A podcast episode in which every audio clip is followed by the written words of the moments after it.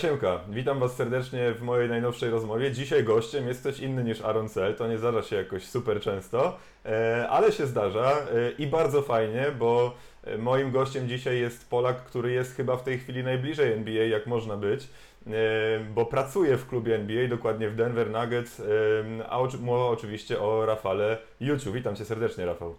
Cześć, witam. Mam nadzieję, że Aaron nie będzie na mnie zły, że zabrałem jego miejsce tutaj, bo to panowie przede wszystkim wasz duet, ale jest mi niezmiernie miło, że mam okazję dzisiaj porozmawiać o playoffach. To, to, to mi jest y, bardzo miło, dziękuję i doceniam, że przyjąłeś zaproszenie, bo to no, no jesteś naszym rodzynkiem teraz. Jak nie mamy Marcina Gortata, to tak naprawdę jesteś chyba jedynym reprezentantem polskim w NBA. Przynajmniej ja żadnych innych nie znam. No tak, to prawda, to jest też trochę smutne. E, zresztą o tym rozmawiałem ostatnio z Marcinem Gortatem przy okazji jego kampów, na których miałem okazję być jako trener wspomagający i też Marcin się dziwił, jak to jest możliwe, że w takim kraju z takim potencjałem, gdzie tyle dzieciaków uprawia sportu, nie ma żadnych zawodników, a tak samo i pracowników struktur. Na ten moment faktycznie jestem jedynym Polakiem w lidze NBA, mimo że nie jestem zawodnikiem. No tak, ale zawsze coś.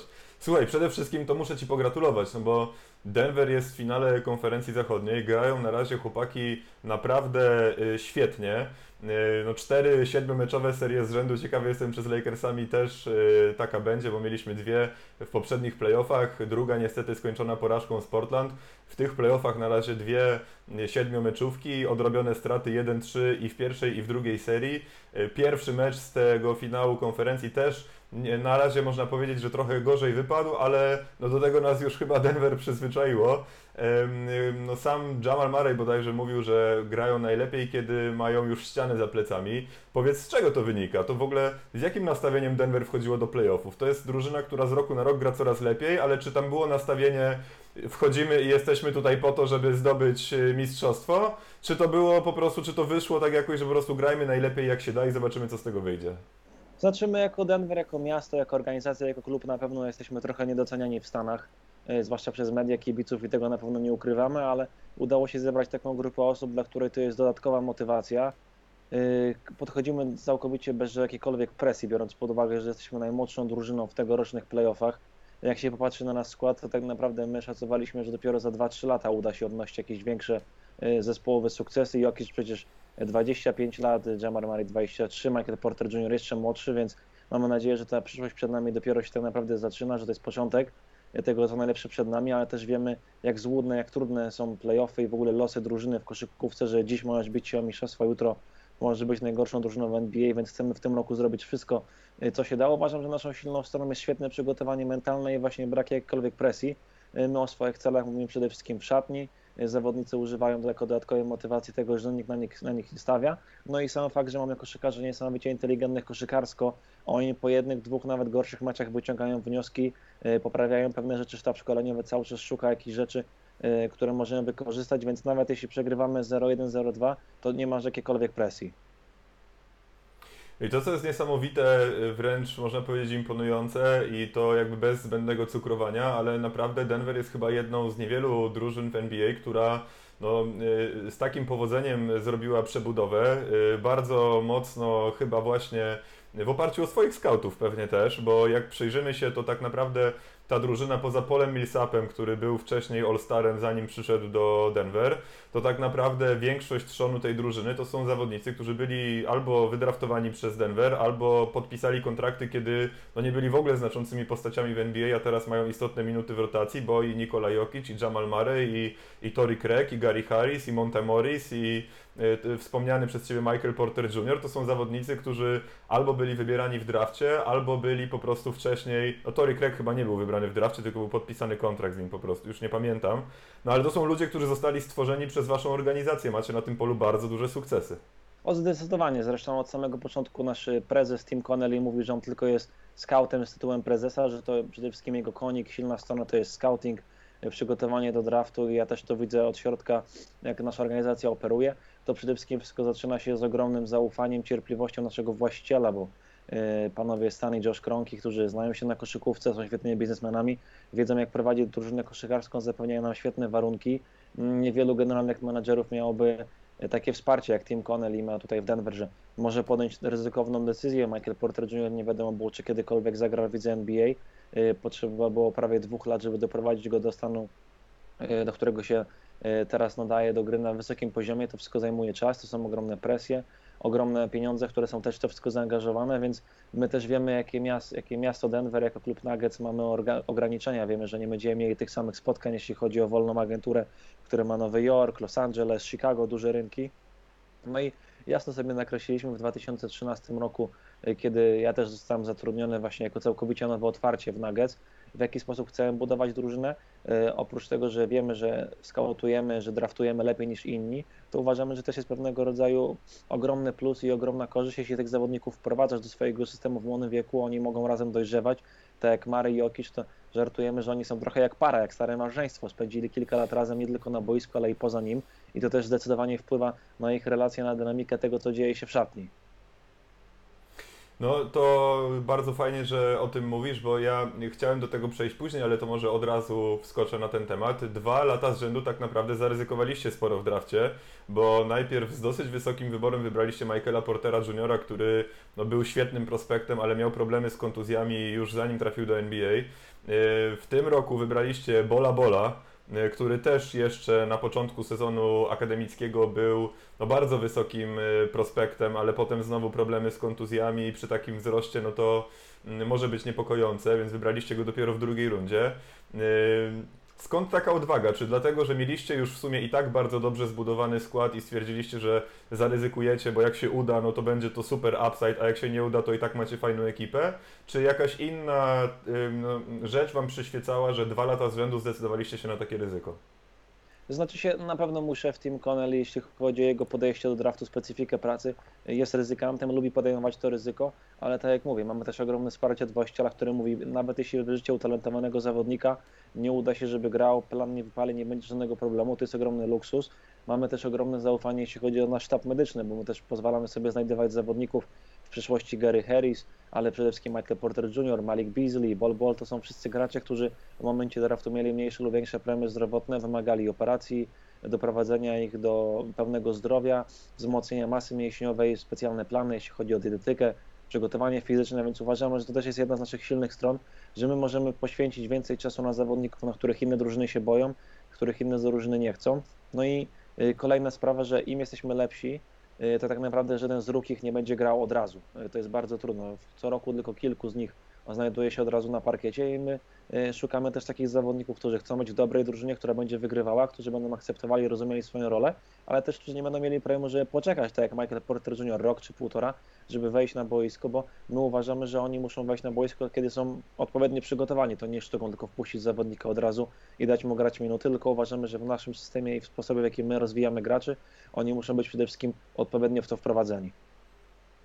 To powiedz mi od razu dopytam, bo jak wspominałeś, że macie taką młodą drużynę i wymieniłeś, myślę, że nieprzypadkowo trójkę e, Jokic, Mary i Porter Jr., to jakie macie oczekiwania wobec Portera Juniora? Bo ja dzisiaj jak na niego patrzę, to mam wrażenie, że ten chłopak się doskonale nadaje do gry na najwyższym poziomie. Zastanawiam się, czy jego upside to jest bardziej coś pomiędzy Kevinem Durantem a Jasonem Tatumem, czy może taki Kyle Kuzma właśnie, czyli gość, który będzie po prostu no, wchodził jako shooter z ławki i ciągnął grę drugiego składu, czy też może widzicie w nim potencjalnego lidera i takiego gościa, który na lata będzie prowadził waszą franczyzę, jak to się czasami mówi, do sukcesów? Znaczy się zdecydowanie Michael Porter Jr. nigdy nie było kwestia y, umiejętności koszykarskich. On jeszcze w szkole średniej był zawsze prospektem numer jeden. W mock był zawsze bardzo wysoko, więc tutaj ten talent, umiejętności koszykarskie, z tym nigdy nie było problemu. Było sporo znaków zapytania, jeśli chodzi o problemy fizyczne. Na razie odpukać nie umiał żadnego treningu, żadnego meczu, wygląda fantastycznie.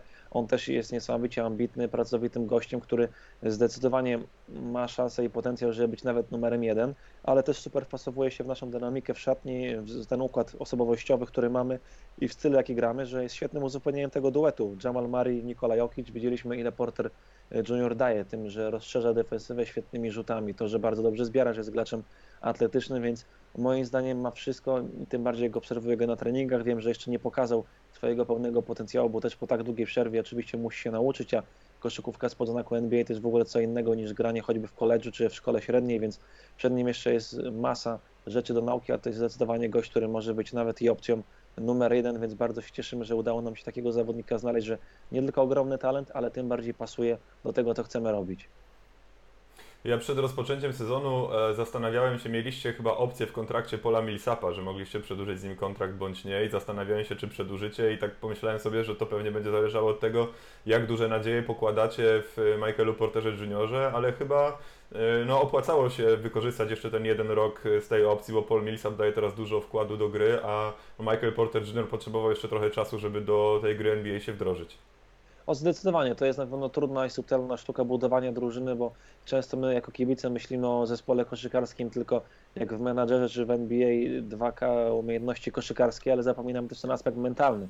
Paul Millsap jest, można powiedzieć, nieoceniony, y, jeśli chodzi o to, co robi w szatni. Jako weteran, teraz najstarszy zawodnik, bardzo doświadczony, który w trudnych momentach może wiedzieć tych młodszych graczy, y, pewne rzeczy im doradzić, powiedzieć, więc My też uważamy, że cały czas jako właśnie najmłodsza drużyna bardzo potrzebujemy tego doświadczenia i cały czas będziemy szukali takich zawodników jako Paul Millsap, bo wiemy, że młody gracz może albo się uczyć na własnych porażkach, albo może ten proces przyspieszyć, żeby uczył się na porażkach bardziej doświadczonych kolegów.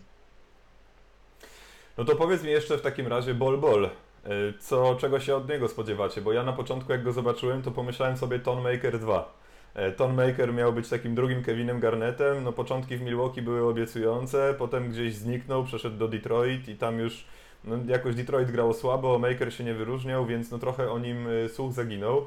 No i patrzę na Bola Bola, też bardzo wysoki, bardzo szczupły, z niezłymi umiejętnościami technicznymi. No ten debiut w bańce miał genialny. E, dostał minuty na początek w pierwszej piątce i pokazał się z bardzo dobrej strony. Potem, potem już go na boisku nie widzieliśmy. On miał jakieś problemy zdrowotne, czy trener Malone po prostu zdecydował, że na razie jeszcze nie jest gotowy do bycia w rotacji? I czy powiedz, no jak go oceniacie, czy to będzie solidny gość, czy ma to być zmiennikiem po prostu? Jaki jest jego upside, jaka jest jego przyszłość, jak myślisz? Znaczy wiemy, że playoff to przede wszystkim czas weteranów, zawodników doświadczonych. Ciężko jest też w playoffach grać szeroką rotacją 12-15 osób, dlatego y, to nie jest żadne zaskoczenie, że ten Mike Malone postawił na graczy sprawdzonych, tych, którzy znają atmosferę playoff, którzy są sprawdzeni w boju, bo tutaj margines błędu jest niesamowicie ograniczony.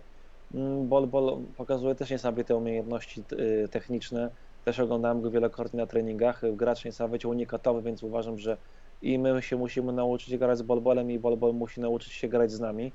Y, on też jest cały czas zawodnikiem bardzo młodym, który tylko rok był w koledżu, y, potrzebuje sporo pracy mięśniowej, więc też nie chcemy zbyt wcześnie przeskakiwać tego procesu wprowadzania jego y, warunki meczowe. To nie jest sztuką dać komuś minuty, sztuką jest dać komuś minuty, żeby on był graczem przydatnym na boisku.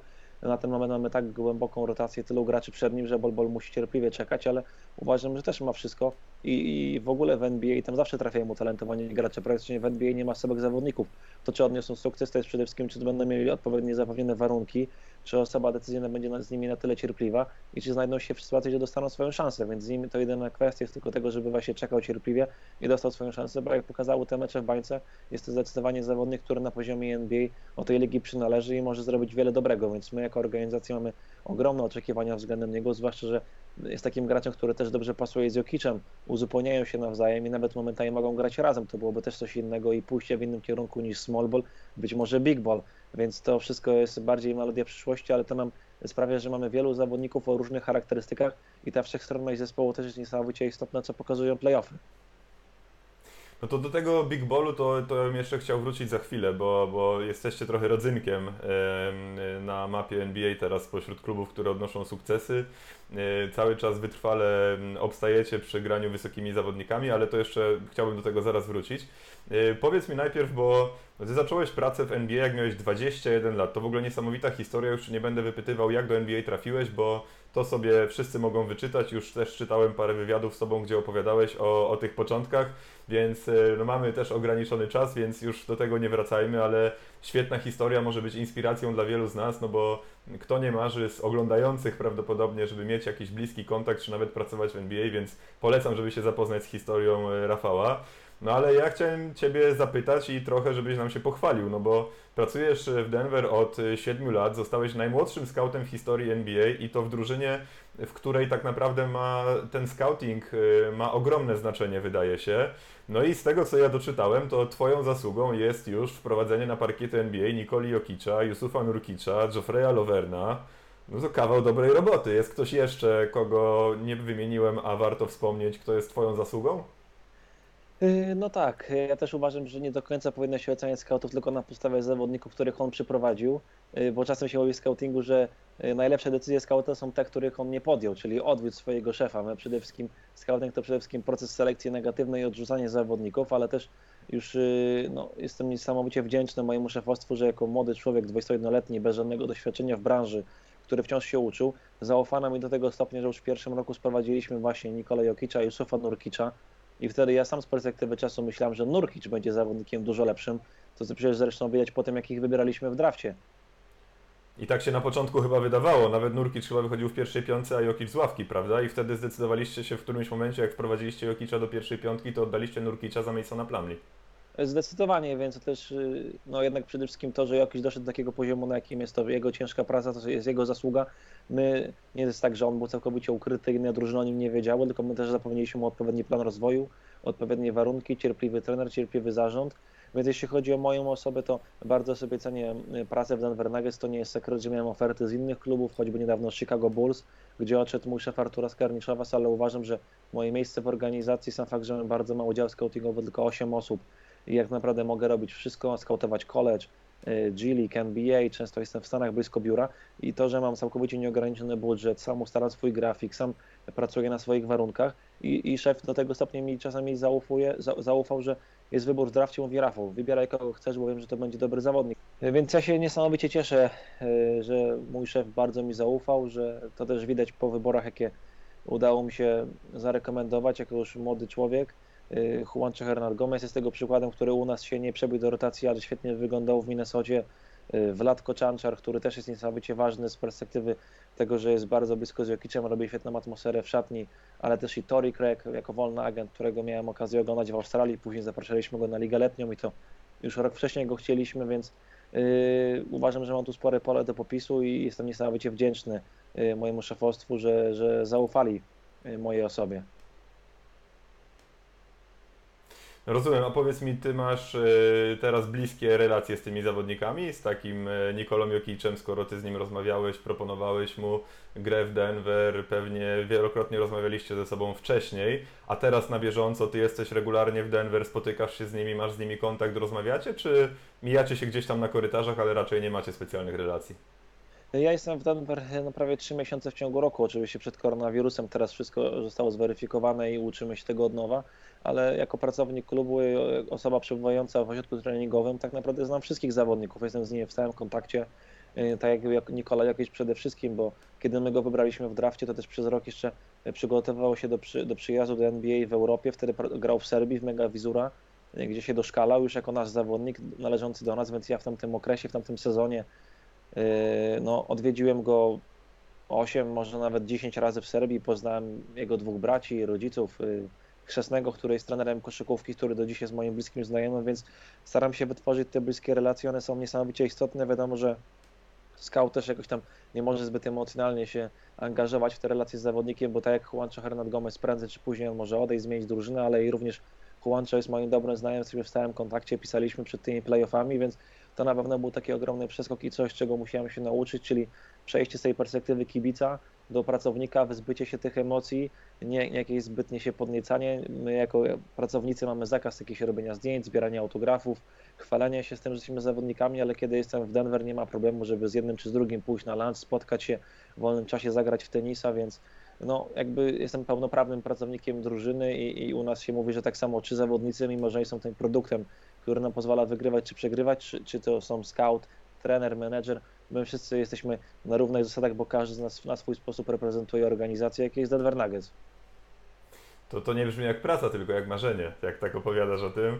E, więc gratuluję jeszcze raz i zazdroszczę. A powiedz, e, no bo jak wspomniałeś, że trzy miesiące w ciągu roku spędzasz e, w Denver, e, ale też regularnie jesteś w Polsce, nawet znajdujesz czas na komentowanie meczów czasami, to już nie wiem jak to robisz, ale to pewnie większość roku spędzasz po prostu w podróży, tak? O zdecydowanie, to jest około 200 dni w ciągu roku w trasie, niesamowita liczba. Tydzień wygląda tak, że praktycznie 3-4 dni w każdym tygodniu spędzam gdzieś w trasie. W związku z tym kluczem jest dobra organizacja, zarządzanie swoim czasem, pewnego rodzaju nawyki. Ja mam bardzo mocno podzielone, co robię w poniedziałek, wtorek, środę, czwartek, piątek i żeby znaleźć ten balans życia prywatnego, zawodowego, ale też ten balans tego, kiedy jesteś w podróży, żeby też efektywnie tym czasem zarządzać, bo czasem można lecieć gdzieś cały dzień, żeby obejrzeć jeden mecz, ale przez cały ten dzień nic nie zrobić. Ja wtedy oglądam dwa, trzy spotkania, notatki, telefony. Y, staram się być jak najbliżej koszykówki. Jeszcze do niedawna pracowałem przy reprezentacji polskich seniorów, teraz też komentuję mecze, więc to mi pozwala i to poniekąd na mnie wymusza, żeby cały czas być w tym y, ciągu, bo też wiemy, że jak z czegoś się zrezygnuje, odejdzie, to później ciężko jest do tego wrócić. No moja praca wymaga tego, żeby pracować tak naprawdę 2, 4, 7 na godzinę. Nawet tego nie nazywam pracą, a bardziej stylem życia, bo y, to po prostu trzeba lubić, kochać. Ja, ja mówię często, że jakbym pracował gdzie indziej, nie wiem, y, w klubie fitness jako kierowca, jako konsultant, to i tak bym wracał do domu, oglądał mecze, tak jak wszyscy pewnie widzowie tego kanału, więc uważam, że po prostu miałem ogromne szczęście, że ktoś mnie zauważył, dał szansę, żebym jeszcze bardziej mógł realizować swoją pasję, no bo nie ma chyba nic lepszego, że dostajesz bardzo godziwe pieniądze za to, że oglądasz mecze i robisz to, co kochasz. No to, to rzeczywiście to prawda. Ja się zastanawiałem, zresztą rozmawialiśmy już chwilę przed y, nagraniem, że czy ty masz jeszcze przyjemność z oglądania tych meczów, skoro oglądasz ich tak dużo i właściwie cały czas i czy traktujesz to już jak pracę, czy nadal to jest dla ciebie przyjemność po tylu latach oglądania koszykówki non-stop właściwie? E, koszykówka to jest cały czas moja pasja, to jest coś, co mnie napędza. Nie mogę przestać nie rozmawiać, myśleć. Zresztą nawet wczoraj byłem na spotkaniu towarzyskim i tylko jak nasze narzeczone żony słyszą, że zaczynamy z kolegami o koszykówce rozmawiać, to mówią, o Jezu, znowu to samo, ale e, też jestem w takim towarzystwie. Teraz też z racji tego, że jestem w domu, prawdopodobnie do, przynajmniej do draftu, a być może do końca roku kalendarzowego miałem szansę sam wrócić do grania w basket i dopiero teraz sobie zdałem sprawę, ile to mi zdawało energii, pasji, pozytywnych emocji, bo sam od dzieciaka przez 12 lat uprawiałem koszykówkę praktycznie codziennie grając w klubie. Y, oglądanie spotkań też daje mi sporo emocji, przede wszystkim tych nuggets, zwłaszcza teraz w playoffach po nocy.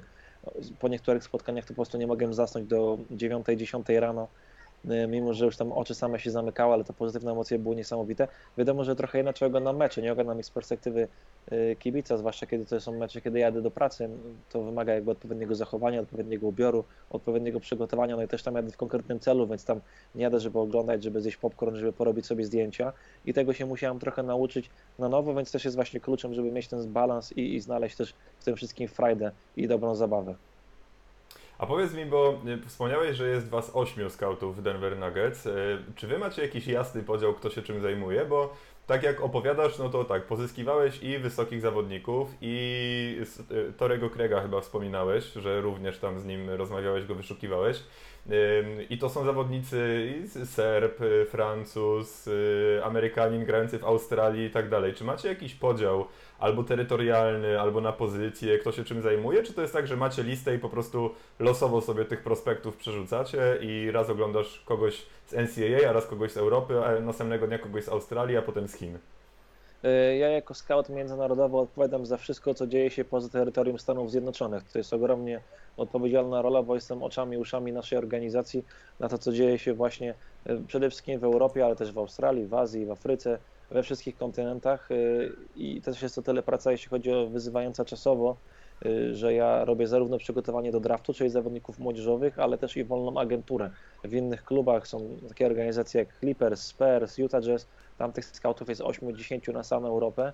Ja tutaj jestem sam, mamy trochę inną filozofię pracy, czyli my uważamy, że każdy na początku jest scoutem i uczymy się, zaznajmiamy z naszą organizacją, z naszą terminologią, sposobem pracy, a dopiero później każdy wchodzi z jakieś specjalizacje, ale musi być zaangażowany we wszystko inne. Czyli ja tak samo, mimo to, że jestem scoutem międzynarodowym, mogę nam college, NBA, G League i tak samo moi koledzy ze Stanów, y, gdzie przede wszystkim mamy dwóch scoutów y, na G League, dwóch scoutów na NBA, pozostali robią college, ale tam też jest ogromna wymienność i to, co przede wszystkim mi się bardzo podoba w systemie naszej pracy, że każdy z tych moich kolegów ze Stanów przynajmniej raz przelatuje do Europy na 7-8 dni.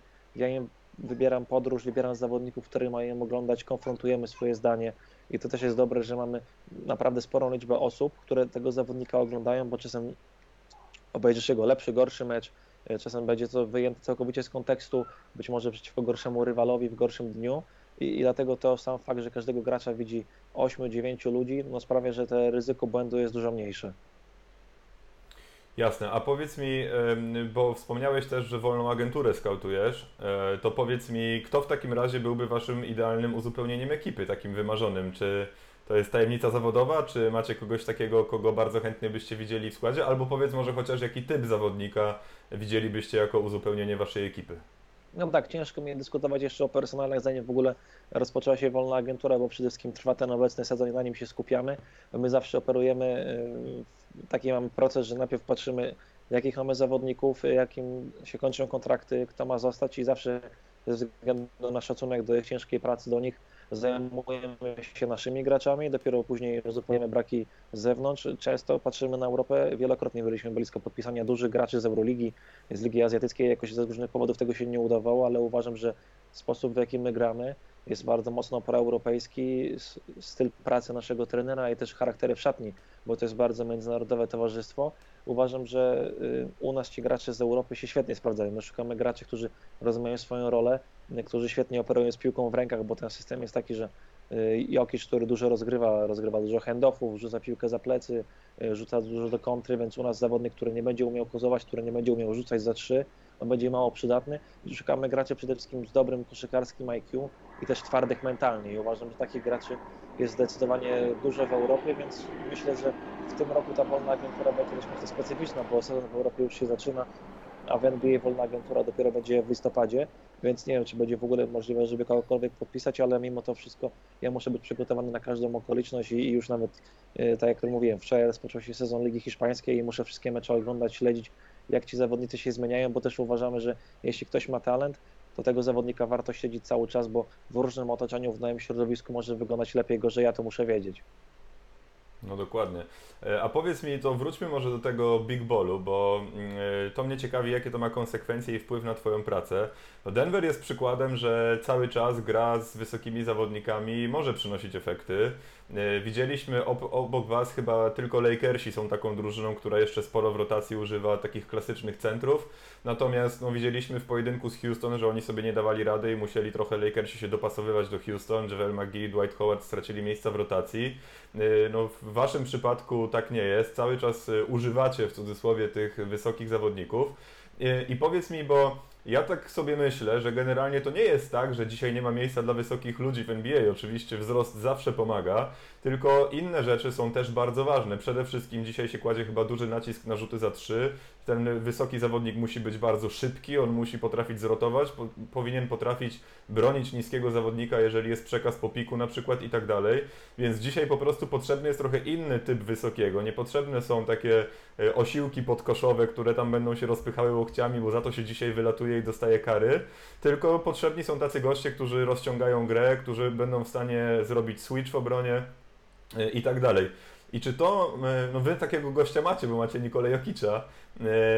Chyba wydaje się, że dzisiaj w rotacji każdego klubu w NBA jest jeden, góra dwóch zawodników, którzy nie rzucają za trzy. E, u was to jest chyba Mason Plumlee, cała reszta rzuca za trzy punkty.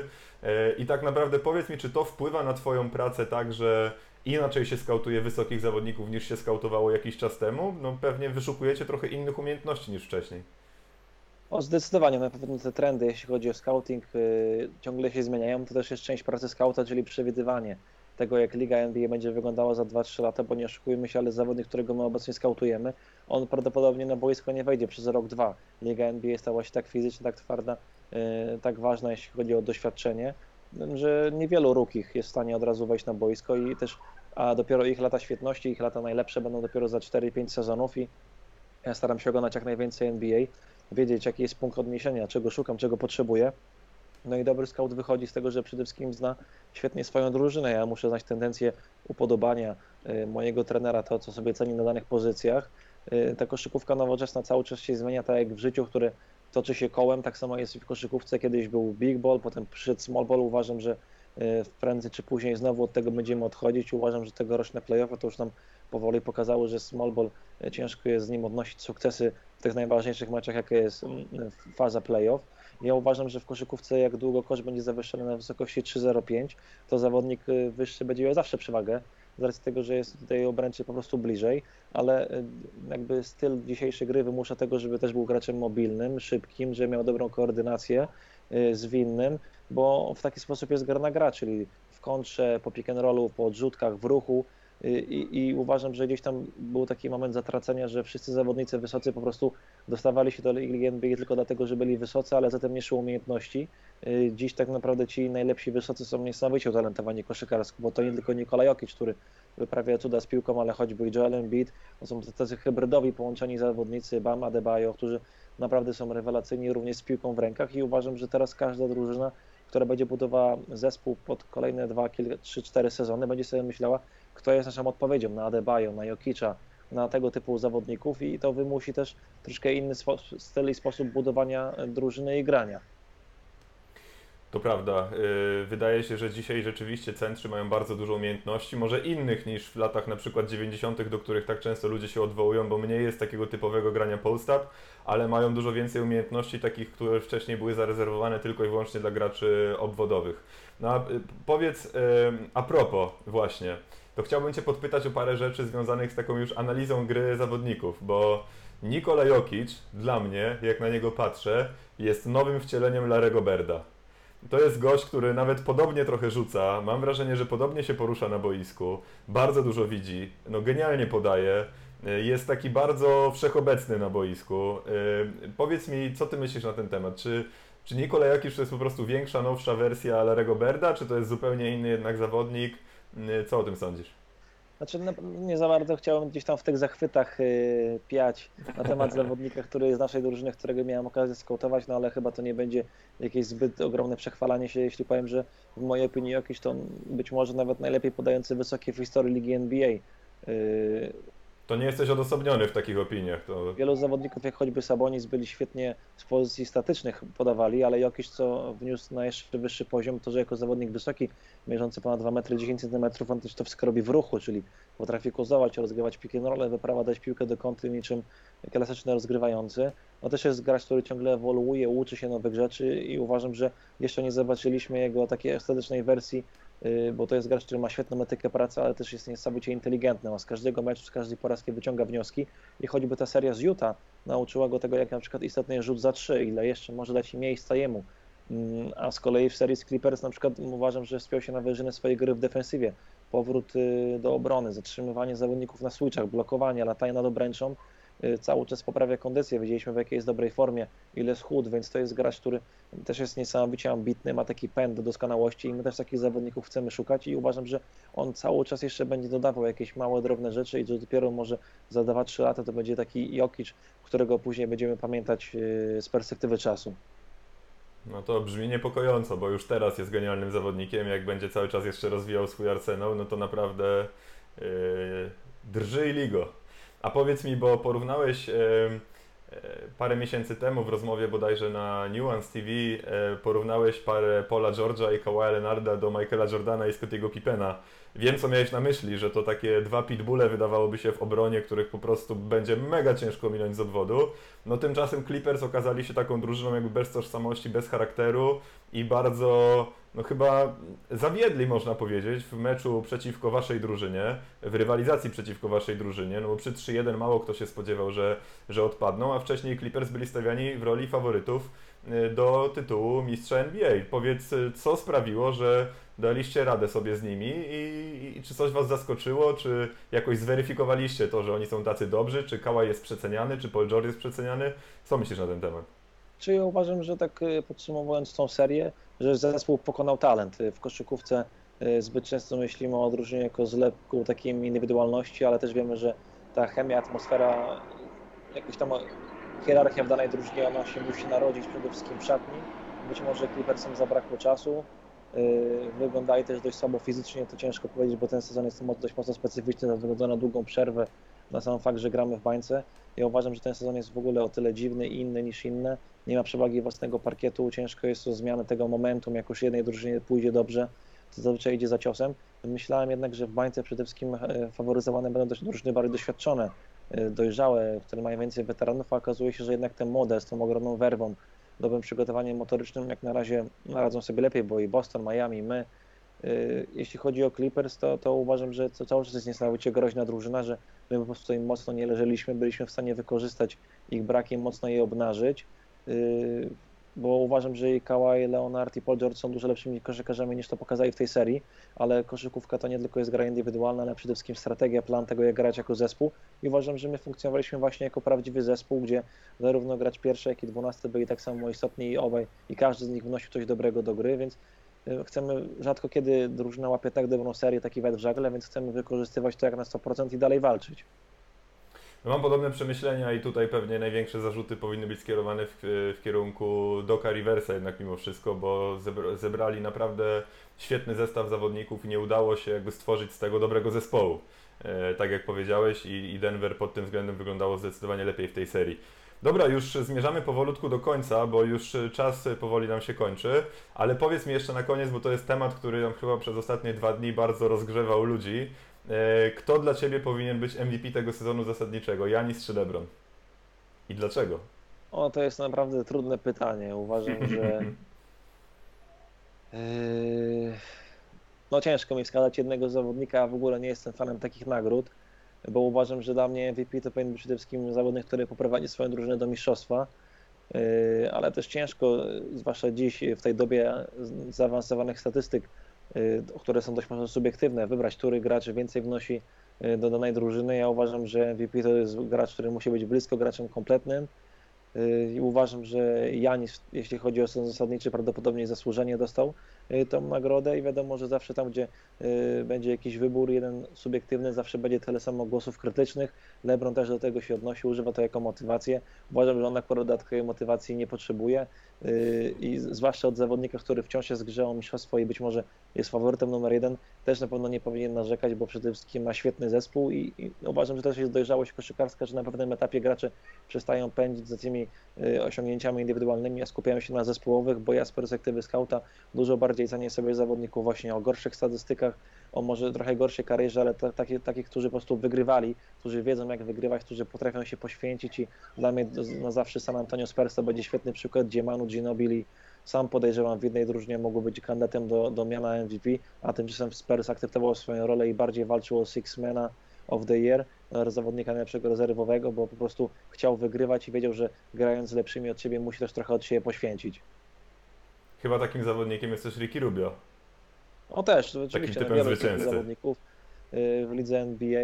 Wiadomo, że żeby wygrywać trzeba grać z lepszymi od siebie, żeby grać z lepszymi od siebie trzeba umieć zaakceptować pewnego rodzaju ograniczenia, więc ja jest przede wszystkim y, niesamowicie teraz będąc bardzo blisko ligi NBA drużyn, doceniłem jak trudno jest, ile wkładu. Jak wszyscy mówią, że ciężko jest przegrywać, bo to jest ciężko mentalnie, bo każdy chce, uważam, że bardzo ciężko jest przede wszystkim wygrywać, bo to kosztuje wiele wyrzeczeń, wiele poświęceń i tym bardziej to doceniam.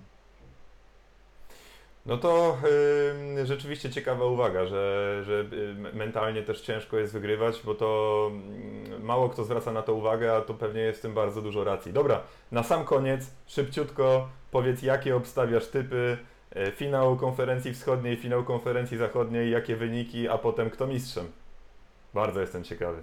No to mi aż nie, nie wypada typować tej serii Lakers i Nuggets, bo Y, patrząc tokiem myślenia wszystkich ekspertów, my jako Nuggets nie mielibyśmy szansy i tak samo też było w pierwszej, drugiej rundzie, więc mam nadzieję, że może będzie jakaś pozytywna niespodzianka i nie wypada mi powiedzieć inaczej niż zwycięstwo Nuggets. Y, w drugiej serii, którą też oglądam z niesamowitym zaciekawieniem, Miami dla mnie wygląda naprawdę rewelacyjnie. Y, mimo, że mam bardzo dobrych kolegów pracujących w Bostonie, to mam nadzieję, że jak będą na to oglądać, to się nie obrażą. Obstawię na Miami, które wygra 4-2. W wielkim finale podejrzewam, że no, no, rozum mówi, że będą Lakers serce za, za Nuggets, więc dla mnie w ogóle w tym roku Miami jest faworytem do mistrzostwa.